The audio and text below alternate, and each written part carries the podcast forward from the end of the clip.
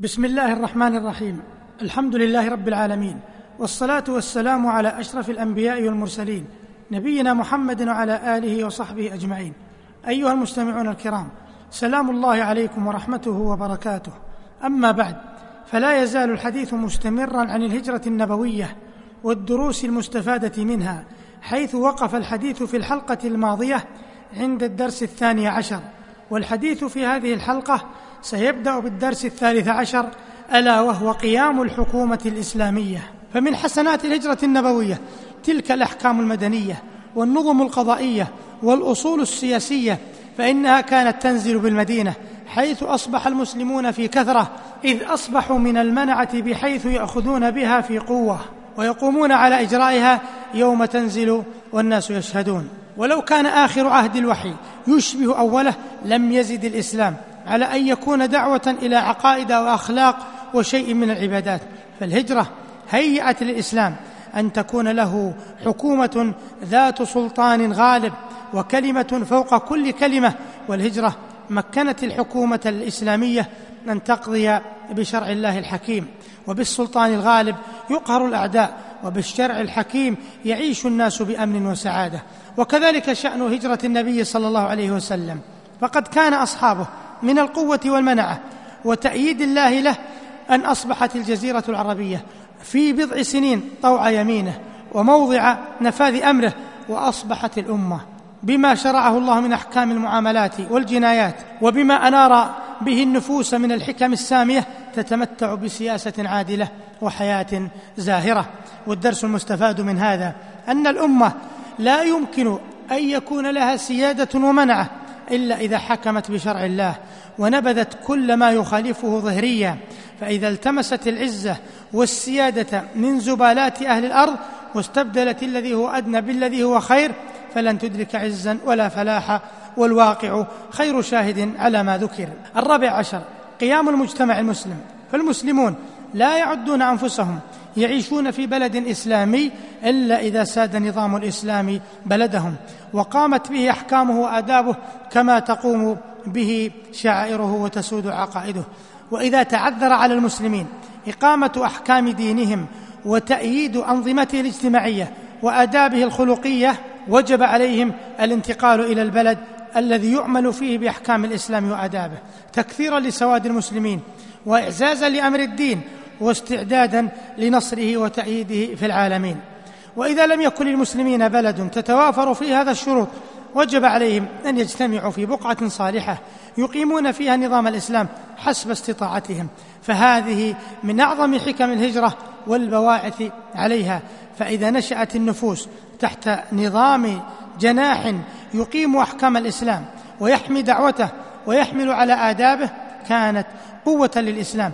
تعمل على رفعته وتوسيع دائرته أما إذا نشأت تحت جناح يخالف الإسلام ولا يربي الأمة على آدابه فإن قوتها تكون معطلة عن تأييد الإسلام وتعميم هدايته. الخامس عشر اجتماع كلمة العرب وارتفاع شأنهم فالهجرة كما مكنت للدعوة وإقامة المجتمع والدولة مكنت لجمع الكلمة فكلمة التوحيد أساس توحيد الكلمة. فأمة العرب كانت متفرقة متشاكسة فأصبحت متحدة متآلفة. وكانت مهيضة الجناح تنظر إليها الأمم بعين الازدراء فأصبحت مكرمة مهيبة الجناب تفتح البلاد.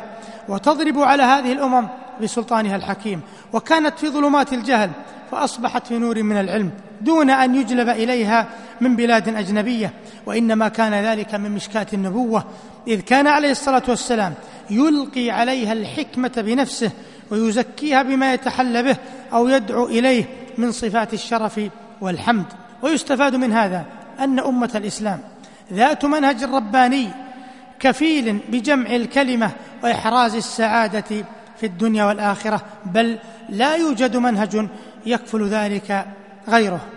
السادس عشر التنبيه على فضل المهاجرين والأنصار. فمن بركات الهجرة على المهاجرين أنهم كانوا يلاقون في مكة أذى كثيرا فأصبحوا بعد الهجرة في أمن وسلامة. ثم إن الهجرة ألبستهم ثوب عزة بعد أن كانوا مستضعفين ورفعت منازلهم عند الله درجات وجعلت لهم لسان صدق في الآخرين. وقد سمى الله تعالى الصحابة الذين فروا بدينهم إلى المدينة بالمهاجرين وصار هذا اللقب أشرف لقب يدعون به بعد الإيمان.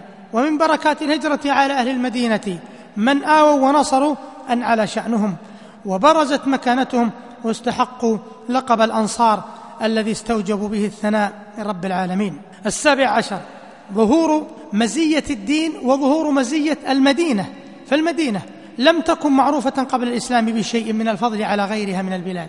لم يكن للمدينة أي قيمة قبل الإسلام.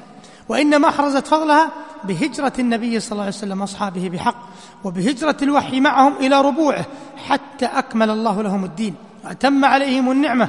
وبهذا ظهرت مزايا المدينة ظهورا بينا وأفردت المصنفات بذكر فضائلها ومزاياها. الثامن عشر سلامة التربية النبوية فقد دلت الهجرة على سلامة التربية النبوية للصحابة فقد صاروا رضي الله عنهم مؤهلين للاستخلاف في الأرض وتحكيم شرع الله والقيام بأمره والجهاد في سبيله. ولقد كان من أثر الهجرة أن الصحابة لاستقامتهم وكمال آدابهم وصدق لهجاتهم يعرضون الإسلام في أقوم مثال وأمثل صورة. ولقد شهد بذلك الفضل الأعداء يقول الإمام مالك رحمه الله بلغني أن نصارى الشام لما رأوا أصحاب رسول الله صلى الله عليه وسلم قالوا والله لهؤلاء خير من حواري عيسى عليه السلام. وفي هذا درس عظيم وهو أن التربية الحقة القائمة على العقيدة الصحيحة والأخلاق القويمة تؤتي أكلها كل حين بإذن ربها. التاسع عشر التنبيه على عظم دور المسجد في الأمة. أول عمل قام به النبي صلى الله عليه وسلم فور وصوله إلى المدينة هو بناؤه المسجد لتظهر فيه شعائر الإسلام التي طالما حوربت ولتقام فيه الصلوات التي تربط المسلم برب العالمين وتنقي قلبه من أدران الأرض ولقد تم بناء المسجد في حدود البساطة ففراشه الرمال والحصباء وسقفه الجريد وأعمدته الجذوع وربما أمطرت السماء فأوحلت أرضه وقد تفلت الكلاب إليه فتغدو وتروح فيه. وهذا البناء المتواضع هو الذي تربى فيه ملائكة البشر ومؤدب الجبابرة وفاتح البلاد والقلوب. وفي هذا المسجد أذن الرحمن للنبي صلى الله عليه وسلم أن يؤم بالقرآن خيرة أمته فيتعهدهم بأدب السماء من غبش الفجر إلى غسق الليل.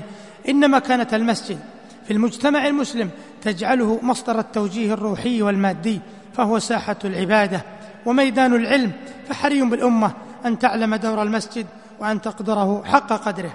العشرون من هذه الدروس عظم دور المرأة في البناء والدعوة ويتجلى ذلك من خلال الدور الذي قامت به عائشة وأختها أسماء رضي الله عنهما حيث كانتا نعم المعين والناصر في أمر الهجرة فلم يخذل أباهما مع علمهما بخطر المغامرة التي سيقوم بها.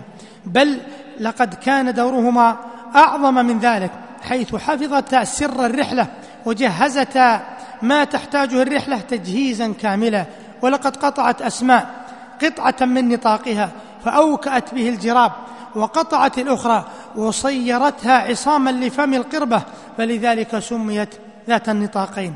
وفي هذا الموقف ما يثبت حاجة الدعوة إلى النساء فهن أرق عاطفة وأسمح نفوسا وأطيب قلوبا. ثم إن المرأة إذا صلحت أصلحت زوجها وبيتها وأبناءها وإخوتها فينشأ جيل مؤثر للعفة والخلق والطهارة. وفي هذا أيضا درس للمرأة المسلمة وهي أن تبذل وسعها في سبيل نشر الخير ونصرة الحق وأن تكون معينة لزوجها ووالدها وإخوانها وأبنائها على الدعوة إلى الله تبارك وتعالى ولو أدى ذلك إلى حرمانها من بعض حقوقها فمصلحة الأمة أهم وما عند الله خير وأبقى ولا يعني ذلك أن يقصر الزوج في حقها ولكن أن يوضع كل شيء في نصابه. أيها المستمعون الكرام إلى هنا ينتهي وقت هذه الحلقة وللحديث صلة إن شاء الله تعالى والسلام عليكم ورحمة الله وبركاته.